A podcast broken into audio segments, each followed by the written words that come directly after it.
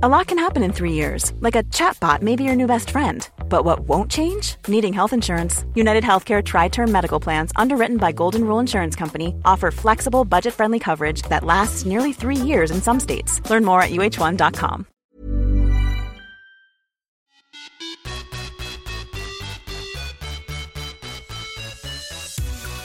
Nu är det söndag igen och ett nytt avsnitt av podden Viss och Svärm on the run.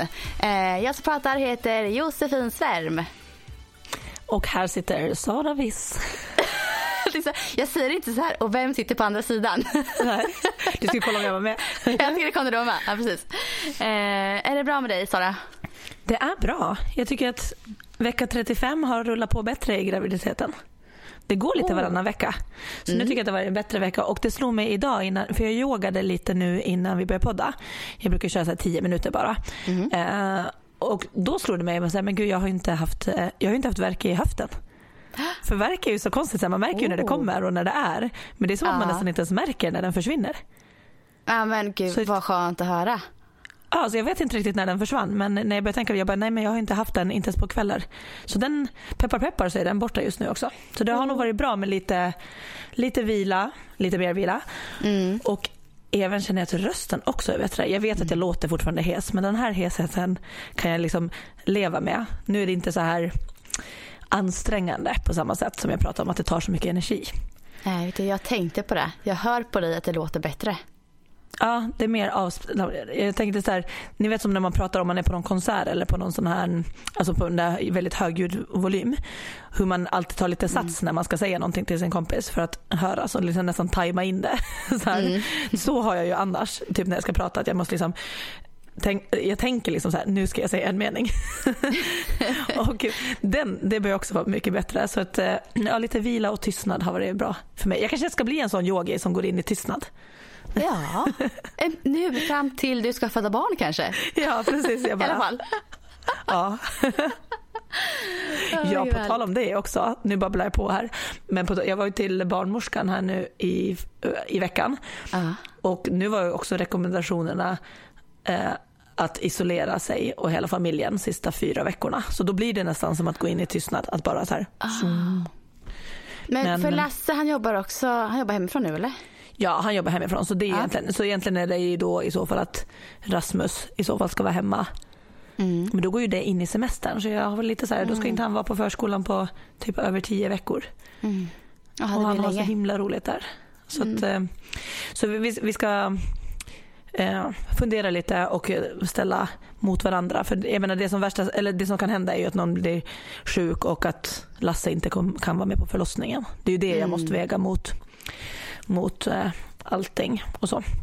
Så vi ska ta en liten funderare. Det var rekommendationer men vi kanske tar det lite kortare än fyra veckor. För att peppar peppar, de har varit jättefriska på förskolan och så också för att de är ute hela tiden och jag tänker att ingen kommer dit det minsta snorig. Så det har väl varit bättre där också. Hoppas det håller i sig. Så. Men för annars går jag in i en tystnad, bara mm. försvinner. det är då man är glad att man har hemmagym. Ja, så himla bra. Jag är fortfarande lika avundsjuk på ert hemmagym kan jag säga. Det ser så härligt ut. Hur mår du? Hur har din vecka varit? Alltså jag har gått från att ha haft så här mycket energi, bra träningsveckor till att känna mig hängig alltså. Jag har varit riktigt trött och hängig den här veckan. Eh, och jag vet inte vad det beror på riktigt. Det har liksom inte varit så att jag blivit sjuk heller. Utan jag har trott att jag ska bli sjuk. Men jag blir inte sjuk. Så jag, det är någonting annat. Um, så jag har uh, varit väldigt lugn med träningen. Jag har sprungit ett fåtal pass. Uh, ganska korta pass bara. Mm. ett pass fick jag faktiskt avbryta för jag kände att det här går inte. Jag får gå istället idag. Uh, och i morse så tog jag en tidig morgonpromenad. Den gjorde väldigt gott kan jag säga. Jag behövde den för att få lite energi till podden här nu på morgonen. Um, så alltså, tung i kroppen, tung vecka har det varit faktiskt för mig. Mm. Men det är inte så här pollen eller? Jo, jag, alltså jag började nästan fundera på om jag kanske har jag har ju aldrig haft det förut så jag vet inte hur det känns. Men jag Nej. har liksom en trötthet som bara lägger sig över mig. Sen, sen visst, jag har min hypotyreos som kan påverka vissa veckor lite mer. Det kan jag absolut för att den spökar lite med mig just nu. Eh, men det kan lika gärna vara att det pollenallergi. Någon liten släng av det kanske. Jag vet inte. Så lite segt faktiskt. Det är det. Um, ja. Men hade du tränat förresten någonting annat än yogan i veckan? Du simmade väl? Ja, yes. Kom jag på nu. jag bara fick så här feeling. Jag har inte varit i simhallen och det har ju också lite med det här eh, coronan. Jag tänkte så här. Ja, alltså, jag förstår. Nu har jag alltid jag, jag har alltid tyckt i mitt huvud att sim, en simhall alltså, äh, känns tryggt. För att det är så här, folk tvålar och tvättar in hela, alltså man är, jätt, man är ju ren. Mm. Eh, man är frisk förhoppningsvis om man är där. Och sen så är det ju det mest naturliga stället att hålla avstånd. Alltså man går ju inte det gör man ju även, alltså även om det inte är corona, som det står någon och duschar. Jag tar ju aldrig mm. duschen ändå som är bredvid om det finns flera lediga. Alltså man står ju alltid lite så här, i och med att man är väldigt naken så känns det som att man, man håller ju två meter minst. Mm. Men så då tänkte jag, då såg jag att de hade så här motionssim också så här på dagen mellan så här 10 och 11 eller något sånt. Mm. Så då var jag dit eh, i en mindre eh, simhall också här på Lidingö. Och vi var, vi var tre stycken i hela bassängen. Så det, det, det, kändes, det kändes väldigt lugnt och skönt. Men eh, då så tänkte jag så här, men nu ska jag prova simma och jag var lite tveksam om det skulle gå för att jag vet att det är, det är jättebra aktivitet som gravid men jag kommer ihåg med Rasmus så försökte jag det i slutet. Och, men då hade jag nog mer bäckensmärta, alltså den här gravid, gravidrelaterade bäckensmärtan. Eh, och då tyckte jag att det var så här när jag sparkade och tog, alltså antingen både när jag sparkade vanligt men även bröstsimspark att det liksom ville knäppa till och låsa sig i mm. bäckenet. Så det gick in, det, jag var inte så många gånger ändå för att det blev liksom ändå, ja det var inte så skönt. Men nu var det jättebra. Nu har jag bara testat en gång. Mm. Men nu kändes det, jag fick samma känsla som när man är ute på en lugn jogg. Alltså vet att man får konstant hålla på någonting, pulsen är lite hög men inte superhög. Utan det var så här jätteskön. Det Sen, härligt. Ja, men sen så blir det ju för mig så här, du vet så här bröstsim med huvudet ja. upp. du körde inget så här frisim liksom med badmössa på? Och Nej, eller jag gjorde faktiskt så här, jag hade faktiskt ett upplägg. Det blir ju alltid så när jag ska göra någonting att jag måste ändå någonstans ha något form av upplägg. Strukturella Sara. ja. det är bra. Så jag, det jag gjorde var att jag Alltså jag simmade bara 600 meter så det, inte, det var inte så att jag simmade mm. jättelångt. Men då simmade jag 200 meter bröstsim, 100 meter frisim. Ja, du 200 det? meter bröstsim, 100 meter frisim. Ja, ja, Så jag körde 200 och sen 100, 200 och 100. Så ah. 200 den där brösttimmen blev lite som vila där jag bara liksom så kunde glida igenom. Ah. Och sen försökte jag att jag skulle, jag tänkte på, på, på dig och så, att du har haft någon så här flyt. Men det fanns inte de där, de där långa och jag vet inte hur det hade gått med magen heller med sån. Men jag tog i alla fall, på det där frisim tog jag en Alltså jag kan ju inte simning så jag har ju säkert använt de här fel. Men jag tror att man egentligen ska ha en sån här liten mellan knäna. Du vet en som ser ut som en liten du ska, ju ha, du ska ha den ända upp, så långt upp du kan komma. Alltså mellan benen. Men då hade jag den. Ja. ja men då hade jag den på ett ställe. Ja. Ja. För jag trodde att man skulle ha den typ mellan knäna så man inte kunde sparka så man skulle bara nej, hålla nej, du ska ha så långt upp som möjligt. Mm. Ja men bra, då gjorde jag rätt. Mm. För då, mm. den hade jag och så att jag ändå kunde sparka. Och det mm. hjälpte ju ändå för då fick jag lite bättre flytläge och då ah. var det så här ganska skönt. Men jag kände att, att i och med att jag ändå inte har så jättebra teknik så vart 100 meter räckte räckte bra i taget. Ja, för då fick jag upp pulsen. jag tycker din mage måste ha vägt ner så mycket så du behövde nog ha sån där dolme för att liksom ja, flyta upp, lite, lite bättre. ja. Men så det var lite skönt med att ha den. Så den hade jag då när jag gjorde frisim där och sen så ja. tog jag min bröstsim. Och sen efter det så avslutade jag faktiskt med en tabata på djupa delen med att trampa vatten. Och det var tufft. Ja, oh, gud vad jobbigt.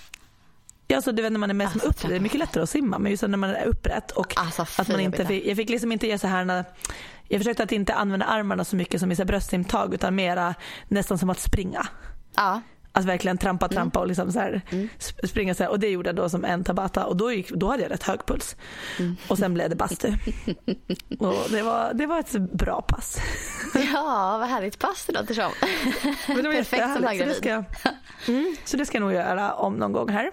Ja. Och sen så har jag kört lite överkropp. Bänkpress igen och lite, men ganska mycket rygg. Mm. Och det känns också bra. Gud vad skönt. Du har liksom gått från en vecka som var tuff till en vecka som var väldigt eh, bra med härligt träningsflow och liksom eh, ja, ja precis. Volymen har inte varit så mycket. Inte så mycket volym i passen eller något sånt men ändå så här att känslan är bra i passen. Och det är Precis. roligt att ta i och lite sådär. Ja. Och du låter ganska energifull. Ja, men jag det. känner mig nog mer ener, energifylld. Sen, och, och jag börjar märka att jag, längt, jag börjar längta till, verkligen så här, till att bebisen ska vara på utsidan. Alltså dels för, mm. att, det, mm. för att det verkligen så här, ska bli så gosigt att få träffa alltså man börjar, Nu börjar jag vara mer mentalt så här, liksom, längta på ett annat sätt. Liksom. Inte, inte bara vara gravid utan nu börjar jag känna så att gud vem är du? Jag vill lära känna ah. dig, kom ut och så. Men mm. också att jag känner mig så här på träningen som kommer efteråt. Mm. Jag har redan liksom börjat skissa på liksom, du vet, så här, och vad jag ska ha för olika så här, fokusperioder och hur det ska vara. Du vet, så där. Ja. Och, att, och med bara så här, positiva känslor. Att jag tycker bara att det är så här, och verkligen landat i det där att jag, jag, ska inte tillbaka till någon kropp utan det är verkligen så här, jag ska framåt och jag är nyfiken på vad, vart min kropp tar mig den här gången och träningen. Men gud vad så kul. Att, men alltså, vad har, har du redan nu så här något, det har du haft förut vet jag, kon konkret ja. mål med framtiden? Hur ser det ut? Ja, alltså det jag, jag har ju pratat jättelänge här i podden om att det är eh, första året som jag är veteranklass, alltså när jag är 35, så skulle det vara hemma, eh, alltså det skulle vara veteran-VM på hemmaplan i Göteborg 2022. Ja. Och nu i veckan så släpptes det ju att i och med corona och de har ställt in, det skulle ha varit i Toronto nu i sommar, skulle det ha varit VM. Mm. Eh, och det har ju ställts in. Och då nästa år så skulle det vara EM, för jag tror att det brukar vara varannat år EM och varannat VM tror jag att det brukar vara även i veteranklass. Så nästa år skulle det vara EM i Tammerfors, alltså i Finland. Mm. Men då har de nu snäppat upp oss och gör om EM till VM. Så att inte Jaha. bara det här VMet ska försvinna.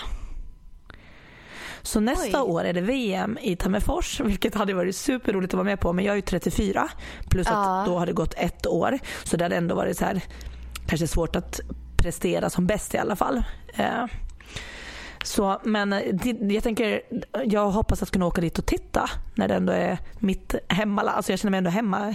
I, mm. Det känns lite hemmaplan för mig. Och eh, då eh, är det ju roligt event att åka och kolla på tänker jag. Så det kommer ja. vara då 2021. Men det gör ju att i och med att det är varannat år så kommer det inte bli 22 i Göteborg utan det blir 23. Det blir 23. Så det är ju när jag är 36.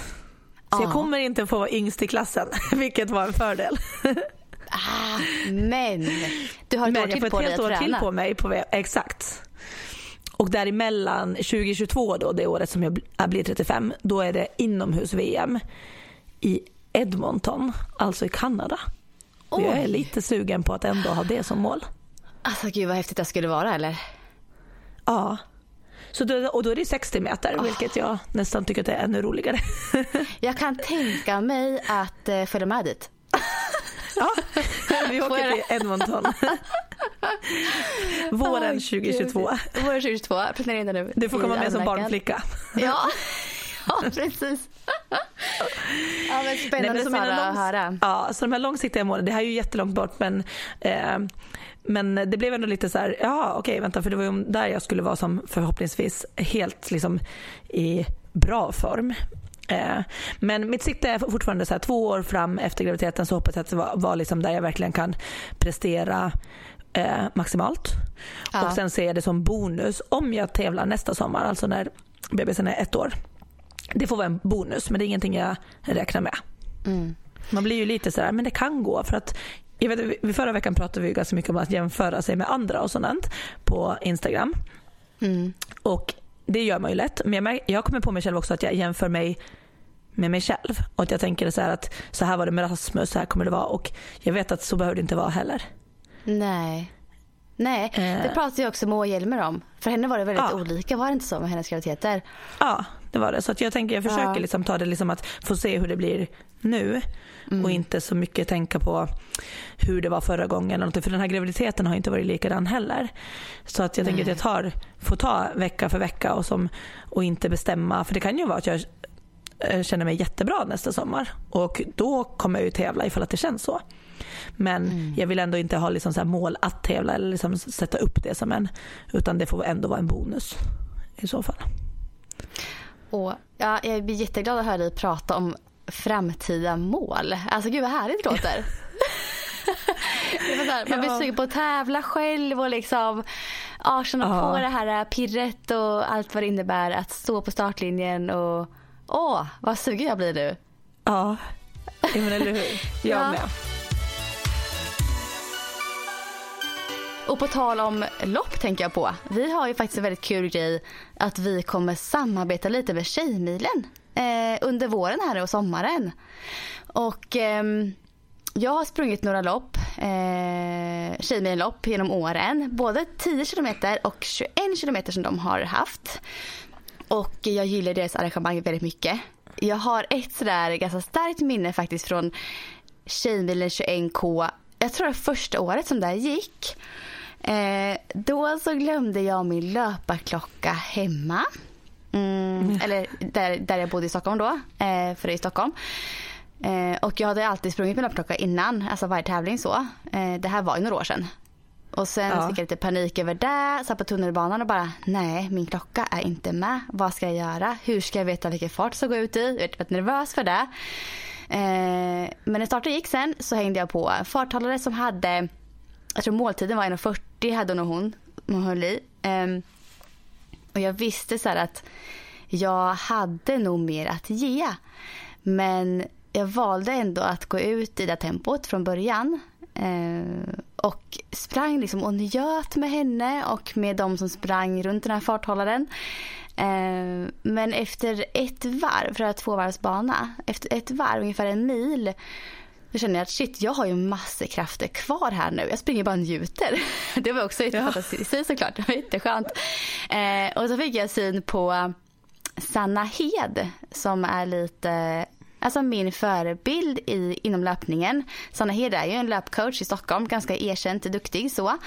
Mm, eh, jag visste att hon var, hon är det och jag visste att hon var bra form. Vi är väldigt jämna i löpningen. Men jag visste att hon var lite bättre form än vad jag var i. Men jag såg henne och jag valde att ta rygg på henne. Så jag gick ifrån den här farthållaren då och den gruppen. Eh, och när det var fyra kilometer kvar så sprang jag faktiskt förbi Sanna och drog ifrån.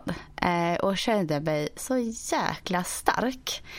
Och jag kom in, kommer ihåg, jag, jag persade då. Jag har, har jag slått där efteråt. Men 1.36 kom jag in på. Eh, kan jag minnas. Eh, och var jättenöjd över det. Eh, jag och Sanna vi kramades i mål. Alltså verkligen så high five. Eh, det är ju så inom löpningen. Man liksom pushar ju varandra. Eh, vilket jag tycker är väldigt härligt. Så att eh, jag vill tacka Tjejmilen för den här upplevelsen. Och farthållarna som gjorde ett fantastiskt jobb. Och Sanna Hed som gav mig den här energin extra. Att eh, liksom bita ihop och köra in i mål. Eh, Vilken tur att du fick syn på henne där också. Ja, det var som tur. Jag bara, för det gjorde ju att jag ökade på steget. Jag kände shit, ja. alltså jag måste hänga på Sanna. Jag fick sån energi av det. Så att eh, jag har väldigt så här, fina minnen av det här loppet. Och när vi ändå är inne på här liksom att prata om starka kvinnor som Sanna då eh, och förebilder så vill ju vi lyfta en kvinna som vi imponeras väldigt mycket av. Eh, också löpare såklart, Evi Palm. Ja, alltså hon är så cool. ja, hon är så cool. Hon var ju med och sprang det första Tjejmilenloppet 1984. Ja, jag var inte ens född då. Nej, jag föddes året efter. Ja. och hon har ju blivit intervjuad av Tjejmilen precis nu, förra veckan tror jag att det var. Eh, bland annat så sa hon så här då. Eh, vi tjejer hade knappt syns innan men nu stod folk efter hela banan och hejade på oss och vi fick en följebil med högtalare. När jag kom in i mål som första kvinna fick jag en stor krans kastad om halsen. Det var så himla stort och så himla fantastiskt eh, berättar då Evi i den här intervjun.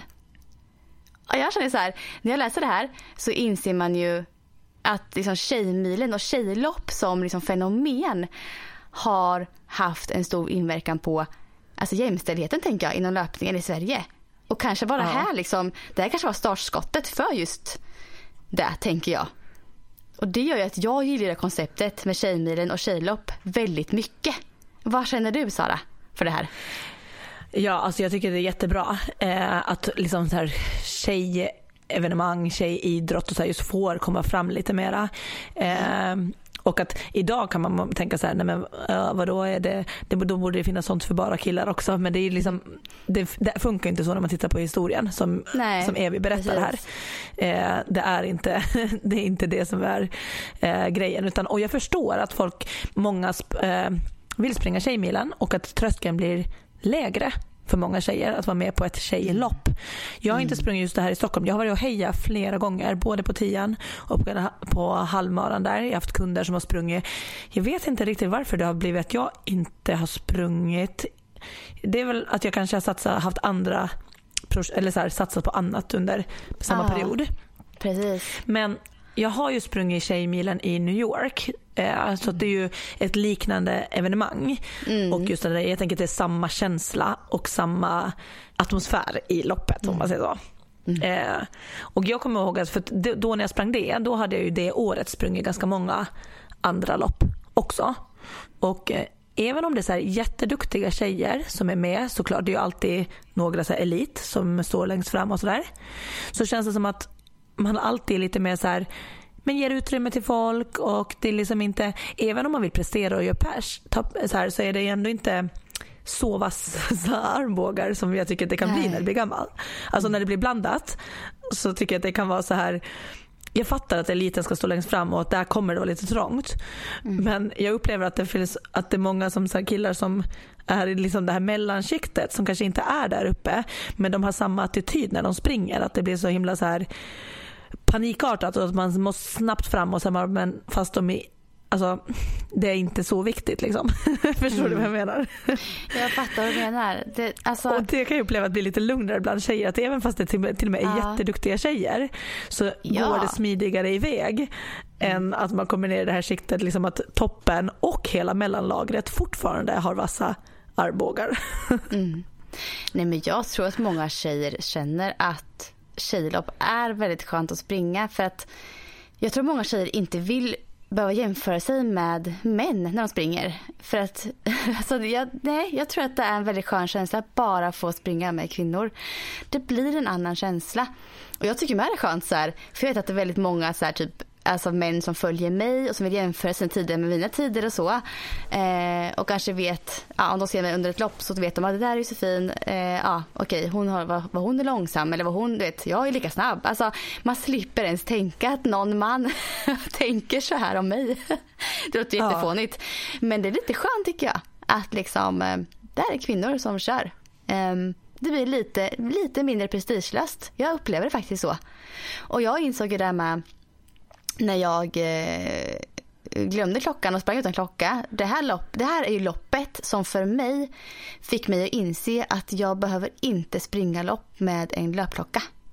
Utan att Nej, det, faktiskt, det faktiskt är så mycket skönare att inte göra det. Det var, det var, det var då jag kom på det. Det var Tjejbilen ja. 21K första året jag gick av stapeln. som jag fick den insikten. När jag sprang Tjejmilen, det var liksom, jag, hade, jag hade ingen pulsklocka, alltså inte en sån som jag har liksom idag som mäter så. Men jag, jag kommer ihåg på, det här är ganska många år sedan, så då sprang jag tror jag med, uh, var det iPod eller telefonen? Alltså den, den sa i alla fall mina mellantider bara på per kilometer. Ja. Så att jag visste liksom vad jag skulle ligga på men jag kunde inte stämma av tror jag hela tiden. Jag kommer inte ihåg hur det var men det var någonting ja. som förvirrade mig med att banan sen var ut, uh, utmarkerad i miles. Oh, oh, ja. Och då när skyltarna kom så då kunde inte jag stämma av riktigt och kolla vad jag hade för uh, kilometer, alltså kilometerhastighet. Alltså det var någonting Nej. med klockan. Jag kommer ihåg att jag blev så väldigt förvirrad och att det blev att jag måste tänka om under ja. loppets gång. För det hade man inte räknat med för den hette ju 10K så då tänker man att de ska prata om K, alltså kilometer. Ja, Men sen längs ja. banan så var det inte den, den skyltningen ändå. Nej, just det. Nej, och det kan ju bli ett störningsmoment. Att klockan ja, blir mer störning då än att det blir hjälp i det här fallet. ja, verkligen. Nej men alltså det, vi kommer ju prata lite om Tjejmilen här nu framöver, lite avsnitt och sådär. Eh, vilket känns väldigt kul. Eh, mm. Det är en härlig, ett härligt arrangemang tycker jag på alla sätt och vis. Och de som inte har så mycket koll på Evi Palm så tycker jag att ni ska kolla upp henne. För hon är väldigt, alltså hon är mest känd för att hon har börjat sin karriär väldigt sent. Ja, eh, precis. Eh, så att hon var, hon var ju liksom mellan 30, alltså, över 35 när hon började springa några gånger i veckan. Och sen tror jag att hon var typ 39-40 när hon sprang sitt första Stockholm Marathon. Och mm. då så placerade hon sig som tionde kvinna. Mm. Eh, första gången hon sprang det. Mm. Eh, på 3.07 kan man tillägga.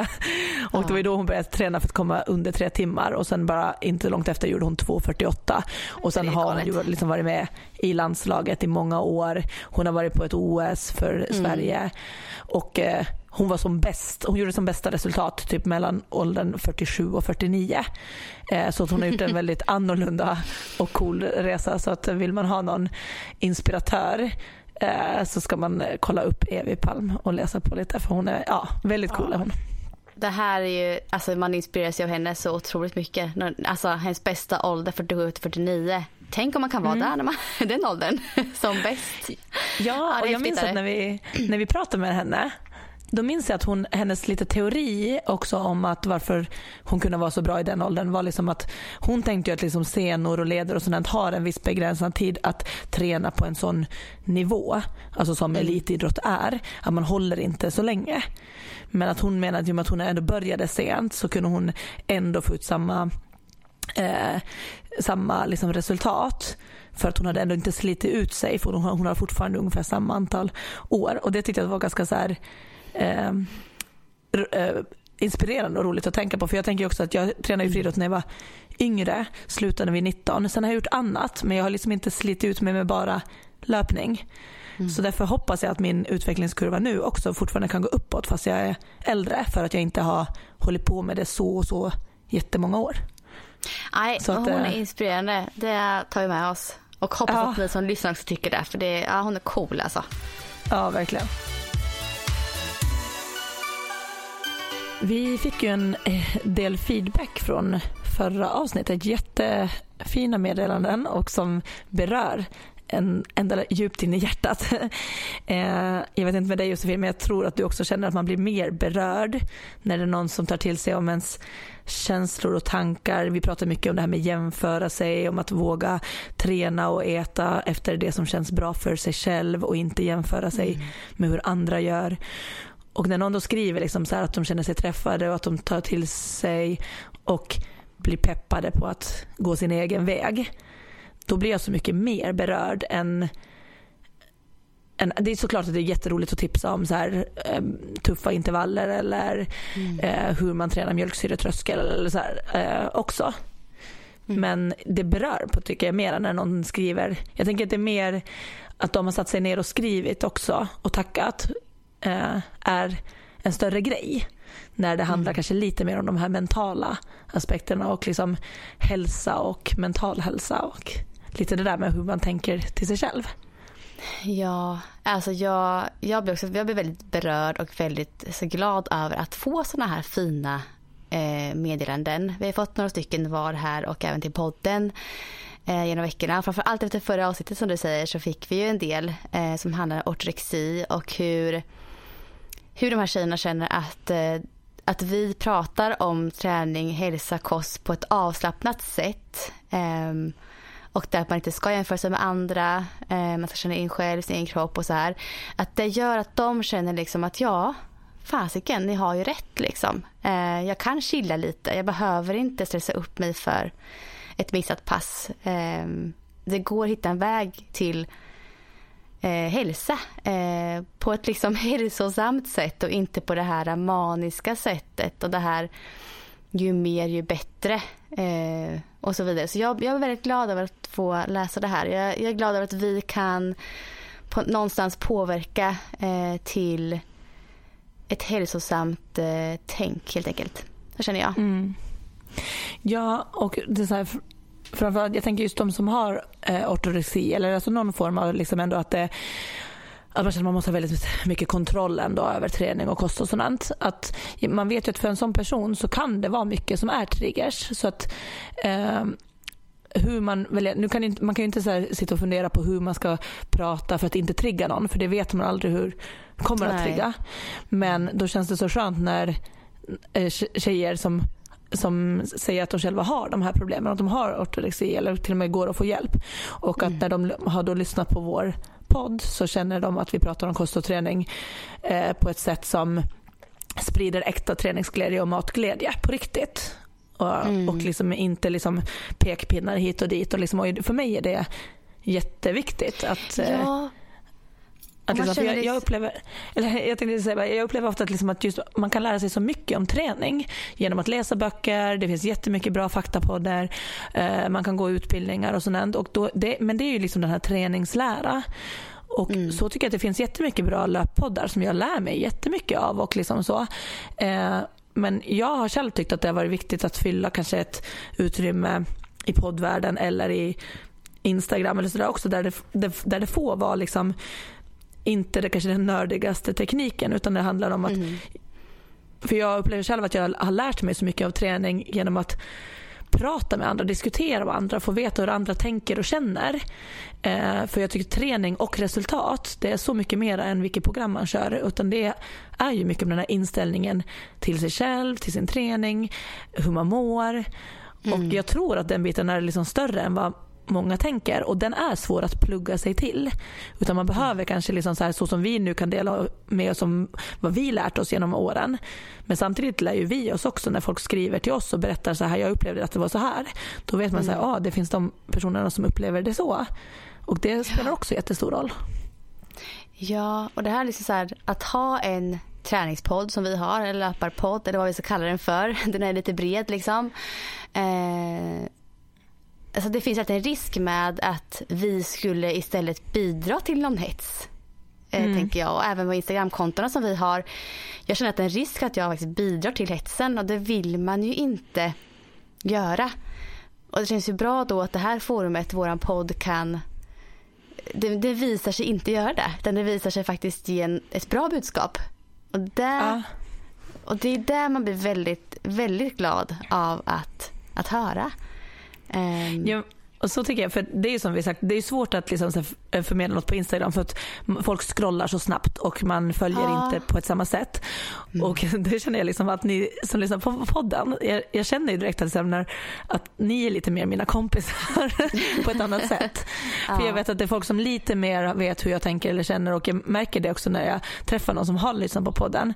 Att mm. den kan uttrycka sig på ett annat sätt än någon som bara följt på Instagram. För där är det alltid liksom så här ja, du tränar ju på som vanligt och du gör det och du, alltså så här, att mm. du är mm. höggravid och kör fortfarande liksom köttar på. Jag bara, men då vet jag att den har inte lyssnat på podden. Men jag vet precis vad du menar. Det är ju de här som kommer och men, pratar om hur man tränar och att man borde göra annorlunda. De vet, de känner ju inte dig. Nej, men därför Nej. känns det som att podd, poddlyssnarna är liksom lite mer närmare vänner. Ja. På ett sätt. Ja, ja verkligen. Jag håller med. Men jag tänkte på det också, för förut var jag ändå mer... Jag började tänka på det där med att det är ju lite ibland läskigt kanske, eller så att vi pratar om att visa sig svag eller dela med sig om sina gamla hjärnspöken eller hur man fungerar som person liksom med sidor som man kanske inte är eh, som man själv tänker att man inte är det mest inspirerande utan mer som kanske har varit en mm. svaghet eller så. Eh, och det mm. tänkte jag liksom på att, att jag kan ibland känna att jag drar mig lite för att prata om gamla ätstörningar eller att jag inte var liksom vän med mig själv eller någonting. Jag tror att det kommer ut i och med att jag trycker mycket på hur viktigt det är att äta bra och att vara vän med sig själv. Men ja. jag tror också att det, för att jag, jag det, det, har ju gått så många år sen, det börjar vara nästan tio år sedan ungefär som jag kanske mådde liksom som sämst. Och då har jag fått sån distans till det. Så att i dagsläget har distansen blivit så stor och jag mår så bra så att jag kan tänka liksom så här, nej men det är ju ingen som mår så längre. Alltså förstår du att jag tar det som att det där var liksom då och att om jag pratar om det nu så är det kanske ingen som eh, som, som tänker så. Att det kanske bara var jag som var så då. Och det där är ingenting som någon känner igen sig. Mm. Så kan jag liksom ibland liksom fastna lite i att så här, ah, jag orkar inte prata om det för att det också känns så orelevant för mig i dagsläget. Men då är det så skönt när man öppnar upp lite och man kanske berättar någonting om hur man har jämfört sig med mat med andra och så. Mm. Och så får man de här meddelandena för det tar ju också tillbaks mig till verkligheten. Att ja. det, det, här är, det här är ju vardag för jättemånga. Att fortfarande liksom... Verkligen. liksom inte kanske har kommit ur det. Och det är mm. viktigt för mig att bli påmind och höra om också. Att så det här är liksom där jag är idag. Det trodde jag ju kanske förut aldrig att jag, man ens kunde vara. Speciellt inte om man hade haft problem tidigare. Nej men jag skrev nog mera förut när jag går tillbaka här till många, typ så här, när jag var ny PT och säger så här för sju, åtta år sedan. När jag hittade så gamla inlägg eller någonting. Där skrev jag nog mer om lite så här eh, självbild och självförtroende och alltså så här självkänsla och att det, jag brann för det mera då. Du vet som, precis som mm. när man har typ precis har hittat löpningen så kan man verkligen så brinna mm. för det. Eller jag vet att det är jättevanligt bland crossfittare också tycker jag att när man har hittat crossfiten så är man så här eh, all all in ja, och ja, man vill bara ja. prata om crossfit. Och så kanske jag var där för att då hade jag, när jag var ny PT då ville jag hjälpa alla som mådde dåligt. Och jag ville hjälpa alla så då skrev jag nog mer om det. För nu när jag hittar sådana inlägg, jag bara, gud det här, jag skriver inte alls lika mycket om sånt längre. Nej, för att det liksom... närmare tiden på något vis, din historia och det som hade hänt. Och sen har det kommit andra kanske. delar. Sen har det kommit så här, mm. jaha men att bli mamma del och det har varit mm. att, alltså, vilket är naturligt. Att det följer ju åt, tänker jag, det man brinner för följer ju åt lite vad man själv är. Men Absolut. jag blev i alla fall väldigt påmind och peppad om att faktiskt eh, våga våga vara öppen och våga liksom prata om saker som har varit också om det kan hjälpa en enda person att tänka mer positivt och peppa sig själv till Aha. att ja, men ja, ta hand om sig och äta och träna enligt dens mål och inte hur någon annan gör eller vad den tror att någon ska tycka eller tänka. Ja, alltså jag är helt övertygad om att din historia och det du har delat med dig av där och det ser vi vi får ju meddelanden om det liksom också att folk som, eller tjejer som har ortorexi som är i det just nu får någon slags liksom framtidstro och pepp när de hör dig prata om det. Och det är ju jätteviktigt. Alltså så här grejer ska man ju ventilera. Alltså det här måste ju upp. Det måste ju upp liksom. Det är viktigt att prata om. Framför allt att det kommer från en tjej som du kanske som som många ser upp till. Eh, och du har ju ett forum som är ganska stort med Instagram. Du har podden, eh, du har PT-kunder eh, och allt det här. Alltså du har ju sån möjlighet faktiskt att alltså direkt egentligen hjälpa andra. Så det är väldigt fint att man kommer dit att man faktiskt inser att oj, det här kan jag, här kan jag bidra med någonting och att man gör det. Så jag tycker det är väldigt, väldigt fint och modigt av dig att du har gjort det. Verkligen. Ja, men, jag har liksom inte tänkt på det så mycket men det slog mig faktiskt nu när det var flera som skrev. Så blev jag så här. Ja. Så tack ni som skrev och liksom så här, för ja, det, det peppar mig. Att också liksom så här, och ja, ja, man vill ju bara att alla ska få må bra och känna just den här som vi, för jag tror att du och jag både känner träningsglädje och matglädje på riktigt. Och då är det mm. härligt att det också kan lysa, lysa igenom, att, vi, att det är så det är. Ja, och vi tänker så, alltså jag tänker så att jag vill ju vara hälsosam för framtiden. Alltså jag vill leva ett liv ja. som ska vara hållbart, det ska vara kul, jag ska ha energi, jag ska orka träna. Alltså jag vill ha ett roligt och energifullt liv och då, då måste man liksom våga släppa på saker och inte vara så strikt i allting tror jag. Um, och det är ju det här vi pratade om förut, man matas ju liksom av hur andra lever sina liv i sociala medier, via media också. Eh, hur andra tränar, hur andra äter, man jämför. Eh, men man måste gå till sig själv och känna in och göra det som man faktiskt på riktigt mår bra av. Och ibland kanske ja. det är så här, ja, men man behöver inhämta energi. Det behöver inte alltid vara via ett träningspass eh, egentligen. Det kan vara att du hämtar energi från att vara med din familj. Det kan vara mm. en dag du ska lägga energi på det istället för träning. Vilket jag tror är väldigt svårt för, för många som tränar mycket att liksom förstå och komma till insikt i. Den grejen har till och med jag också svårt för. Att jag tänker så här, ah, men nu måste jag få energi, då går jag och tränar. Jag tänker fortfarande så väldigt mycket. Men ibland inser jag att nej, det är inte det jag behöver idag. Idag behöver jag vara med nära och kära och skratta. Alltså, ja. allt Eller krypa upp i soffan och kolla på en ja, film. Ja, absolut. Det är där liksom. Ja. um, ja men intressant. På tal om får... det här, att gud, jag, jag ja. måste komma in på det. Jag, det här med att man, det sprids via sociala medier och media eh, hur man ska leva för att bli sund och stark och i sitt livs form och allt det här som kommer. Alltså vi kommer in på det här, den stora hälsoresan på Dplay. Jag ja. måste komma in på det. Alltså jag, jag blir jag blir lite upprörd, eller så. Jag blir, jag blir, det, det är såna här program som gör att människor hamnar i ett problem som har med mat att göra, som har med träning att göra. Det blir väldigt mycket av allting. Um, oh. Det finns liksom inte utrymme för att vara flexibel och spontan eh, och gå till sig själv och känna är det här bra för mig, mår jag bra av det här idag? Alltså det finns inte utrymme för det. Det är bara stenhårt schema, träning, kost. Under 16 veckor, 16 weeks of hell, säger ganska mycket vad det namnet. Låter skitkul gör det. och så alltså det här med de övningarna som de här personerna får till sig. Jag tror det är fem, fem, fem, fem eh, styrkepass i veckan på gym och varje dag så är det powerwalk fort. Um, det är ganska mycket bara där från att gå från kanske två pass i veckan till fem på en dag liksom. och sen powerwalks varje morgon. Alltså få ihop allt det här i vardagen som för en person som har familj är det svårt. Men de här passen också som, de vis, som den här killen då visar upp är ju assvåra. Alltså övningarna i sig. Oh. Vem, ja, vilken alltså... vanlig motionär kan göra dem? Nej, ja, alltså så här, den som inte vet, vet vad det här programmet jag tänkte, vi tar, alltså, det heter, visst heter Den stora hälsoresan? Visst heter ja. det så? Ja, ja jag, jag, har sett ja. två avsnitt mm. för att jag känner nästan att jag måste titta på det här i och med att jag har kunder som tittar på det. Och ja. som är så här imponerade av resultat och är så här. Eh, eh och, så, och då känns det som att det är lite till min plikt att kolla lite vad det, vad det är. Eh, jag, och det är så här, hela, hela namnet blir till och med fel. För det, programmet heter Den stora hälsoresan. Konceptet ja. de kör heter 16 weeks of hell.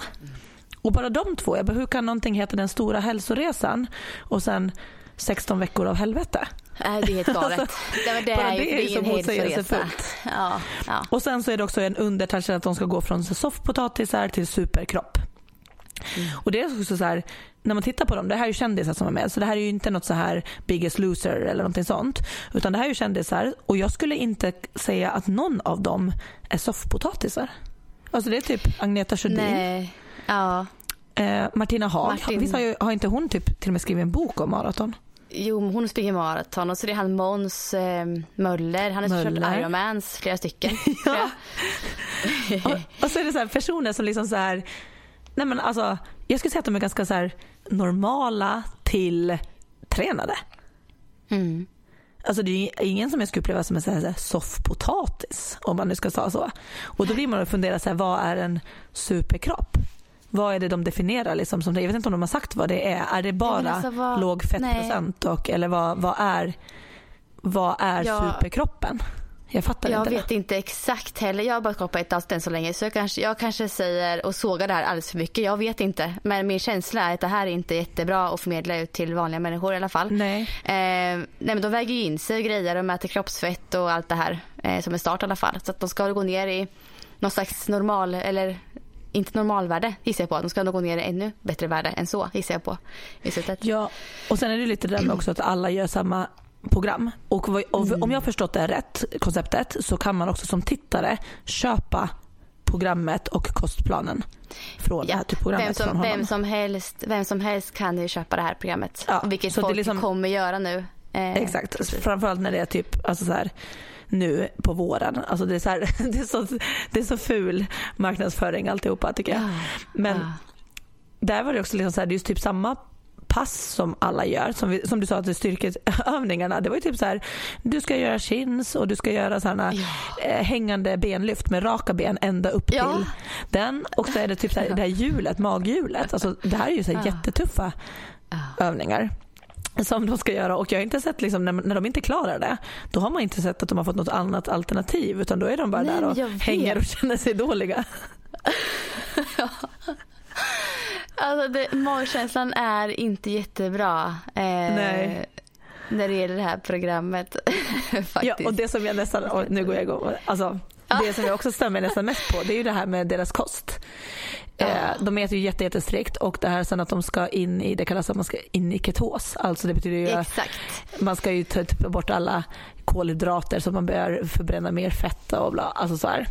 Och det ska ju tydligen alla in med och han, och han blir liksom så här arg på dem om de har fuskat och ta, ätit några kolhydrater för då tar det bara längre tid innan kroppen kommer in i det här stadiet. Liksom.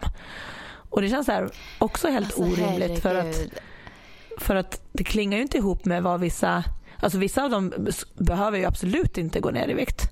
Utan, och det uttrycker de ju själva också att de vill inte gå ner så mycket i vikt utan de vill hellre liksom bygga muskler och bli starkare och sådär.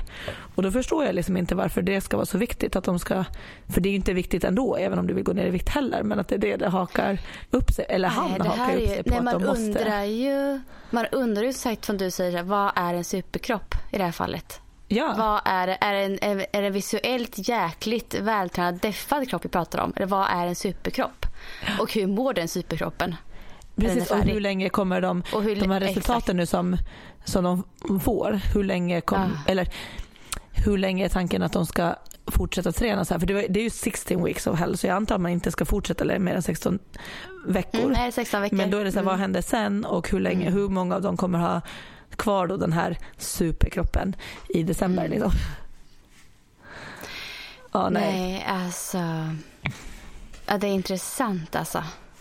Så vet man att man är känslig för triggers, ja. då är det så här, då ska man inte titta på det. På alltså jag, och jag ser ju folk, nu ska jag inte säga något namn här, men jag har sett vissa på sociala medier som kör det här, som är profiler och som har, har haft en ätstörningsbakgrund bakom sig. Mm. Det ser inte jättesunt ut när man är färdig med 16 veckorna. Nej, jag blir kritisk. Jag blir orolig för människor som går in i det här som inte har så stor koll på vad det innebär i alla fall. Eh, och sen så, jag klandrar egentligen ingen som går in i det och själv vill komma i form. Det är inte det, men konceptet som, alltså idén i sig att gå ut med det här som den stora hälsoresan på tv som alla kan se. Eh, det känns bara inte rätt. Nej. Det kan göra mer liksom skada än nytta. Eh, tror jag verkligen. Ja, när det blir sådant allmänt koncept också så är det lite att man kan lite lättare så här förklä sina egna problem. Alltså så här, om man har lite just det här kontrollbehovet så här, då, men då kan man lite yeah. lätt säga ah, nej men jag ska också testa på det 16 weeks of hell och så blir det lite mer mm. folkkärt på något sätt. Förstår du? Fast man kanske bara egentligen förklär sin egen sätt hur man vill träna och därför att må bra i form av att inte ha ångest eller någonting. Och att då bara förklä dig i att så här, ja, men jag hakar på den här för det gör ju så många andra också och det går på tv och det är en rolig grej. Mm. Eh, och så blir det mer acceptabelt att man äter superstrikt och tackar nej till middagar och sånt för att jag gör min 16 weeks of hell. Oh. Och det, sånt skrämmer mig, liksom, när man börjar kunna hitta liksom, enklare vägar för att inte bli typ så här, påkommen med att må dåligt. Mm. Eller vilja kontrollera det. Liksom. Precis. Alltså, så, sen är nej. På... Ja, jag tänkte säga så, om du ska köra det, som sagt det är absolut inget fel med att köra om man tycker att det är en rolig grej och bla bla. Mm. Men du ska vara väldigt tydlig själv. Varför gör jag det här? Och mm. vad händer sen? Och eh, vad, vad tror jag att det kommer påverka mig? Alltså hur kommer jag må bättre? Eh, kommer jag vara mer nöjd med mig själv eller någonting? Alltså vad, du ska vara noga med vad, vad du liksom formulerar för dig själv, ditt syfte med mm. det. Eh, mm. Så att, eh, så att man inte bara slänger sig in i en sån grej. Ja, då har vi spytt ut lite skit om det här programmet där, ja. känner jag. Men... ja. ja. det, ja. Jag känner att sen när vi pratar om det här med hälsa och så, så vad vi står för och sådär så är ju ändå du och jag vi gillar ju ändå att liksom ha lite mål och tävla och ta ut oss och prestera. Det gör vi också. Alltså, mm. Och ibland så kan ju alltså ett mål eh, innebära ganska mycket träning och uppoffringar bakom för att nå upp till.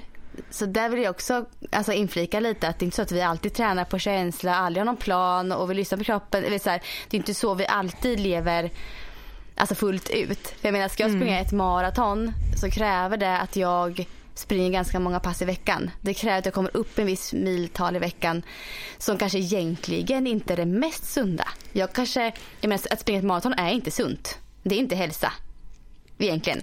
Nej. Men det vet jag och det kanske är en begränsad tid för att jag så himla gärna vill nå upp det här det här målet.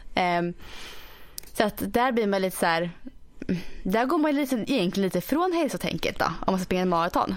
så att, det är inte så att vi är, vi är ju inte liksom några liksom vad ska man säga, hälsogurus eller vi lever precis som man ska och så här, precis som vi lär. Alltså, det är ju, vi har ju också en uppoffring i vår träning ibland. Absolut och vi går ju, man kör ju pass som man inte alls känner för kanske att göra ibland, man är trött eller så ja. Men jag tänker det hela handlar ju om balans och framför mm. allt så handlar det lite om det här ändå hur man mår mentalt av den träningen. För jag kan ju må ja. väldigt bra att träna mot ett tufft mål och bita ihop och få kämpa. Alltså jag kan må bra för att man får ju också en liten sån duktighetskänsla. Men den duktighetskänslan som jag får nu när jag tränar hårt mot ett specifikt mål och kanske offrar andra saker, mindre sociala eh, grejer för att hinna med träningen och sånt. Den är ändå en helt annan boost och just den här positiva som jag får den så att jag mm. verkligen kan känna att jag mår bra av det. Till skillnad mot att jag skulle inte få ångest eller känna mig dålig om jag inte får till passen eller att jag känner att det påverkar hur jag ser på mig själv.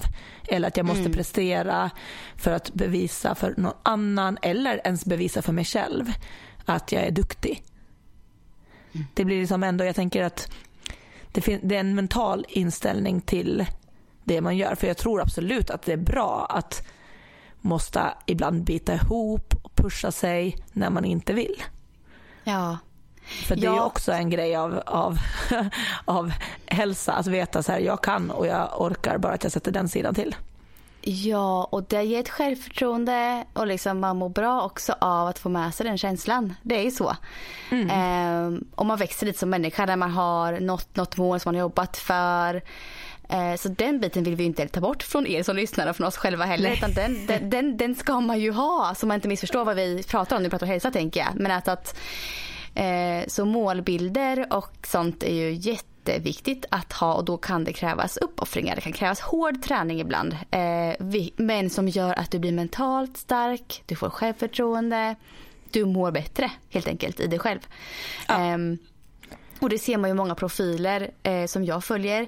Ibland pratar jag om att vissa typ tränar ju så idiotiskt mycket tänker jag ibland. Men så finns det de som faktiskt mår riktigt jäkla bra också av att eh, köra mycket hårda pass och de har den kapaciteten i kroppen. De har kört många, många år. De tävlar i Ironman och det kräver uppoffringar. Det gör ju det. Eh, men att man ser till sitt eget liv och sin träning och sina mål och vad som är möjligt och vad man själv mår bra av. Det är där som det är viktigt att fundera lite.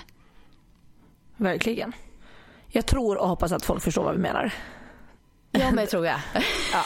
ja, jag tror det. Ser du, det är de... lite läskigt när man äh, går in på det här för att man är ja, rädd att det ska misstolkas. Men jag tror att det faktiskt lyser igenom. Man ser att vi båda, vi är ju träningstjejer. Vi har alltid tyckt om att träna, vi tycker om att pusha, mm. pusha oss själva. Men det har kunnat förändras lite genom åren. Också på hur man har mått i det. Mm. Verkligen. Ja, och det ska man bara vara uppmärksam på. Var, varför gör man det och uh, hur mår man under tiden? För det är inte bara resultatet. Man måste ändå, jag tycker ändå att man måste ändå må bra på vägen till målet och resultatet. Uh, ja, och för att det ska vara värt att göra det. Ja, och inse att det inte bara är träningen som är livet egentligen. Alltså det finns så mycket mer runt omkring som gör att man blir bättre, man presterar bättre. Det är inte bara träning och kost som gör det. Det är liksom ja, vänner, familj och annat som ja. gör det också. Mm. Nej men du Sara, vad säger du om tiden? vi har kört en timme här nästan. ja, vi kanske ska börja avrunda. Uh, jag ska faktiskt, faktiskt snart iväg på träning och fika med mina kollegor i Lofsangruppen. Så vi ska, oh, vi ska hem till Lovisa. Hon har tagit ut sitt mm. utegym. Hon har ute på så här terrassbalkong. Um, så hon plockar fram utegymmet och då ska vi allihopa, för det är både både jag och så har jag en kollega som ligger några veckor framför mig i graviditeten. Hon är ju typ, det kan komma när som helst nästan. Hon är 38-39 nu. Så hon har haft sin sista dag och jag jobbar bara nästa vecka till i studion. Så att vi ska ha en liten sån här ja, gemensam träning eh, hela gänget och fika och liksom så här men en liten hejdå, förstår du? Ja, alltså jag tycker att det känns... alla mysigt. Ja, jättemysigt. Men också så här helt sjukt att jag bara, för jag jobbar ju bara 25% nu också där, så att jag ska ja. bara vara två dagar till i studion och det är som att mitt huvud fattar att jag ska gå på föräldraledigt och jag ska få bebis och sådär. Men det, jag har inte riktigt fattat att jag inte ska vara på jobbet. Nej. Det är liksom Nej. mitt andra hem där. Det är så mysigt ja. när det är bara en liten studio. Vi umgås ganska tajt, vi som jobbar där. Liksom så. Och, ja, jag kommer sakna dem jätte, jättemycket och att bara vara där. Så att, eh, nej, så det känns jag. lite, lite konstigt att ha en hejdå-fika typ. Men ja, det ska bli ja. jättemysigt ändå. Och snart så kommer det vara så när du och jag poddar så kommer det finnas en bebis i bakgrunden. Ja, man kommer höra. Hur ska vi lösa det här Sara? Kommer det gå? Jag hoppas, på så sätt kan jag hoppas att, att uh, han är som Rasmus. För Rasmus är kunna amma i typ 45-60 minuter. När som ja, helst. Det var det bra ju. Så då, mm. jag kommer inte gick på någon föreläsning och sånt med Rasmus och bara satt han mot tutten och så var han tyst. Så kunde jag bara sitta bra. ingen visste om att det var en bebis med ens. Nej. Så att det kan ju hända att, att det blir en sån så bara så tar jag amningspaus medans vi poddar. Ja. ja. Mm, vad ska du göra? Ja, ja gud vad ska jag göra idag? Ja, jag jobb såklart. Jag har ett jobb att göra. Um, sen imorgon faktiskt så ska jag iväg med lite tjejkompisar till Omberg. Eh, ligger nära Motala, ganska nära Motala. Eh, vi ska vandra lite, kanske köra zipline, lite grejer. Eh, Oj vad kul. Det så himla härligt. Ja, så det laddar jag för nu kan jag säga. Det var länge sedan vi gjorde någonting tillsammans, bara tjejerna utan liksom barn och män med. så det blir kul. Ja. Gud vad härligt. Men eh, ha det så fint nu då i veckan så hörs vi nästa vecka igen. Detsamma. Ha det så bra. Hej då. Hej då.